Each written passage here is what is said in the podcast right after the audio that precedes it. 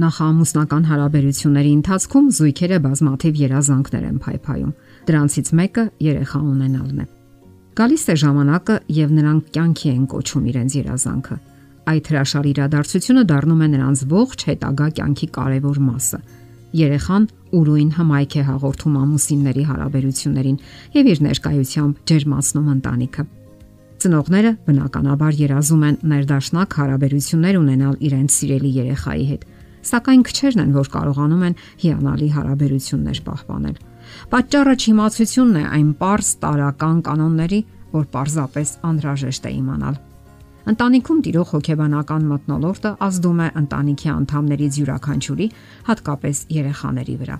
Եվ երեխաներին սեռական ու սոցիալական հասունացման հասցնելը դեռևս նպաստավոր ընտանիքի ցուցանիշ չէ։ Օրինակ, Ծնողների զգալի մասն այն կարծիքին է, որ երեխայի արտահայտած մտքերն ու արարքները այնքան էլ կարևոր չեն եւ կարիք չկա դրանց ուշադրություն դարձնելու։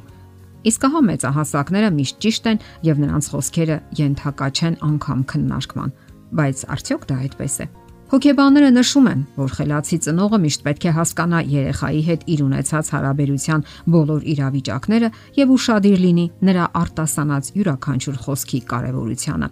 Հասկանալի է իհարկե, որ երեխաները երբեմն սխալներ են թույլ տալիս եւ կարող են բարկացնել ծնողներին, սակայն պետք է հասկանալ դրանց դրթապաճառները եւ անմիջապես հանդիմանությունների տարապ չսկսել։ Ենթադրենք ծնողը դրսից տուն է գալիս հոգնած ու քաղցած։ Շատերն այդ պատճառով նույնիսկ գլխացավ են ունենում։ Հասկանալի է նաև, որ երբեմն նյարդայնացած վիճակում նա կարող է կոպիտ բառեր արտասանել։ Երբեմն տունն այն վիճակում չէ, որpիսին ինքը կուզեր տեսնել։ Եվ ահա առաջին հակազդեցությունը տհաճ բարերն են եւ կոպիտ ու անհարգալից խոսքերը ուղված երեխային։ Այնինչ մի փոքր համբերությունը չէր խանգարի, պարզապես զուսպ լինելու եւ հանգստանալու։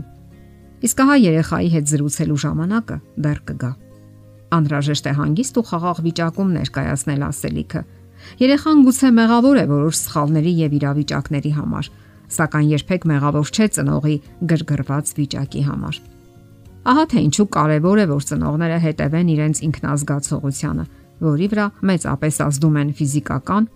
եւ մտավոր հոգեբանական ծանրաբեռնվածությունները։ Մարդը դառնում է գրգռված ու անհանդուրժող, իսկ թույլ օղակը, որի վրա կարելի է լիցքաթափվել, չգիտես ինչու հաճախ դառնում են հենց երեխաները։ Պարզ ճշմարտություն է, Երեխան բոլորովին մեղավոր չէ, որ ձեզ ծանրաբեռնել են աշխատավայրում կամ այլ հիմնախնդիրներ ունեք եւ նա կարող է բացարձակապես չհասկանալ, թե որն է իր սխալը։ Մտնելով տուն, պետք է դրսում թողնել բոլոր հիմնախնդիրները։ Հասուն եւ գիտակից ծնողը պետք է կարողանա ճիշտ տեղաբաշխել նախապատվությունները։ Իսկ աշխատանքի մասին երբեք չպետք է խոսել այնպես, որ երեխան մտածի, թե դա ավելի կարևոր է իրենից։ Աշխատանքը կարող է իսկապես շատ դուր գալ ձեզ, բայց չէ որ երեխային դուք սիրում եք խոր սիրով եւ նրա հետ շփումը ամեն ինչից կարևոր է։ Երբ երեխան որևէ հարցով մոտենում է ձեզ, պետք չէ նրան վանել։ Թեկուզ զբաղված եք ճաշ պատրաստելով կամ ձեր աշխատանքի մի մասն եք տանն անում, նշանակություն չունի։ Ճաշն ու աշխատանքը կարող են սпасել, իսկ երեխան մարդ է։ Ընտանիքներում հաճախ շատ կարևոր սկզբունքներ են անտեսվում։ Օրինակ, երեխան ընտանիքի լիիրավ անդամն է եւ կարող է հիանալի օգնական լինել։ Սակայն դեպքերի մեծ մասում երեխային հանձնարարում են տան ամենատհաճ աշխատանքը Դա պարզապես խտրականության པարզ դրսևորում է։ Նա կատարում է այդ աշխատանքը տհաճությամբ, մի པարզ պատճառով, որ դա պարզապես հրամայում են ծնողները։ Հասկանալի է, որ մեծահասակներն ունեն բարձր ինքնագիտակցում, շատ բաներ անում են ավելի լավ, ավելի շատ գիտելիքներ ունեն եւ ավելի հասուն փորձառություն։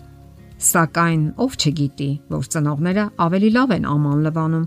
ավելի լավ են պատրաստում այս կամ այն բանը կամ հասկանում մարդկանց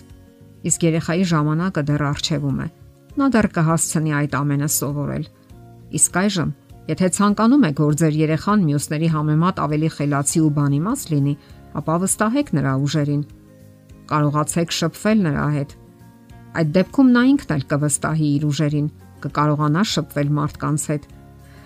Պետք է նրան սովորեցնեք այդ ամենը եւ ձգտեք այնպես վարվել, որ նա հմուտ եւ բանիմաց զգա իրեն։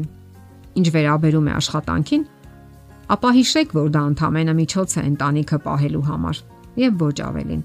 Եթե աշխատանքը ձեր կյանքի իմաստն է, ապա պետք չէ երեխաներ ունենալ։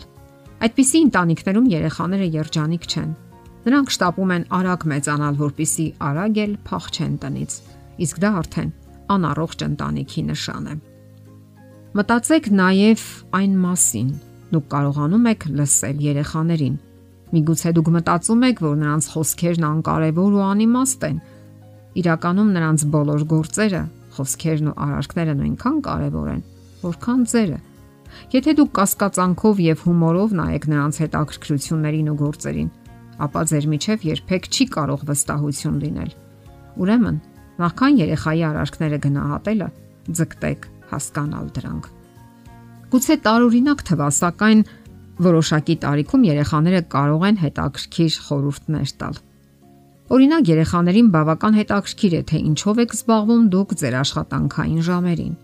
կարող եք նրանց պատմել ձեր ապրումների ու մտքերի մասին։ Միգուցե երբեմն խորհրդակցեք նրանց հետ, կամ որ ավելի հետաքրքիր է հետևեք այդ խորհուրդներին։ Մի մտածեք, որ երեխաները դեռևս իզորու չեն հասկանալու եւ ընկալելու մեծահասակների աշխարհը, քննարկելու նրանց գործերը։ Երեխան կարող է շատ բան չհասկանալ, բայց շատ լավ է զգում հույզերը եւ այդ պատճառով ձեզ կարող են անգամ զարմացնել մանկական խորհուրդները։ Ի հավելումն այդ ամենի խորհրդակցելով դու երեխայի մոտ ընտունակություն եք ձևավորում արտահայտելու սեփական տեսակետը, ինչպես նաև ցույց եք տալիս, որ մտերիմ մարդկանց միջև կարևոր են անկեղծությունն ու վստահությունը։ Եվ ի վերջո, այս ամենը ցույց է տալիս, որ դուք կարևորում եք ձեր եւ երեխայի հարաբերությունները։ Եթերում ընտանիք հաղորդաշարներ։ Ձեզ հետ է Գեղեցիկ Մարտիրոսյանը։ Հարցերի եւ առաջարկությունների համար զանգահարել 033 87 87 87 հեռախոսահամարով։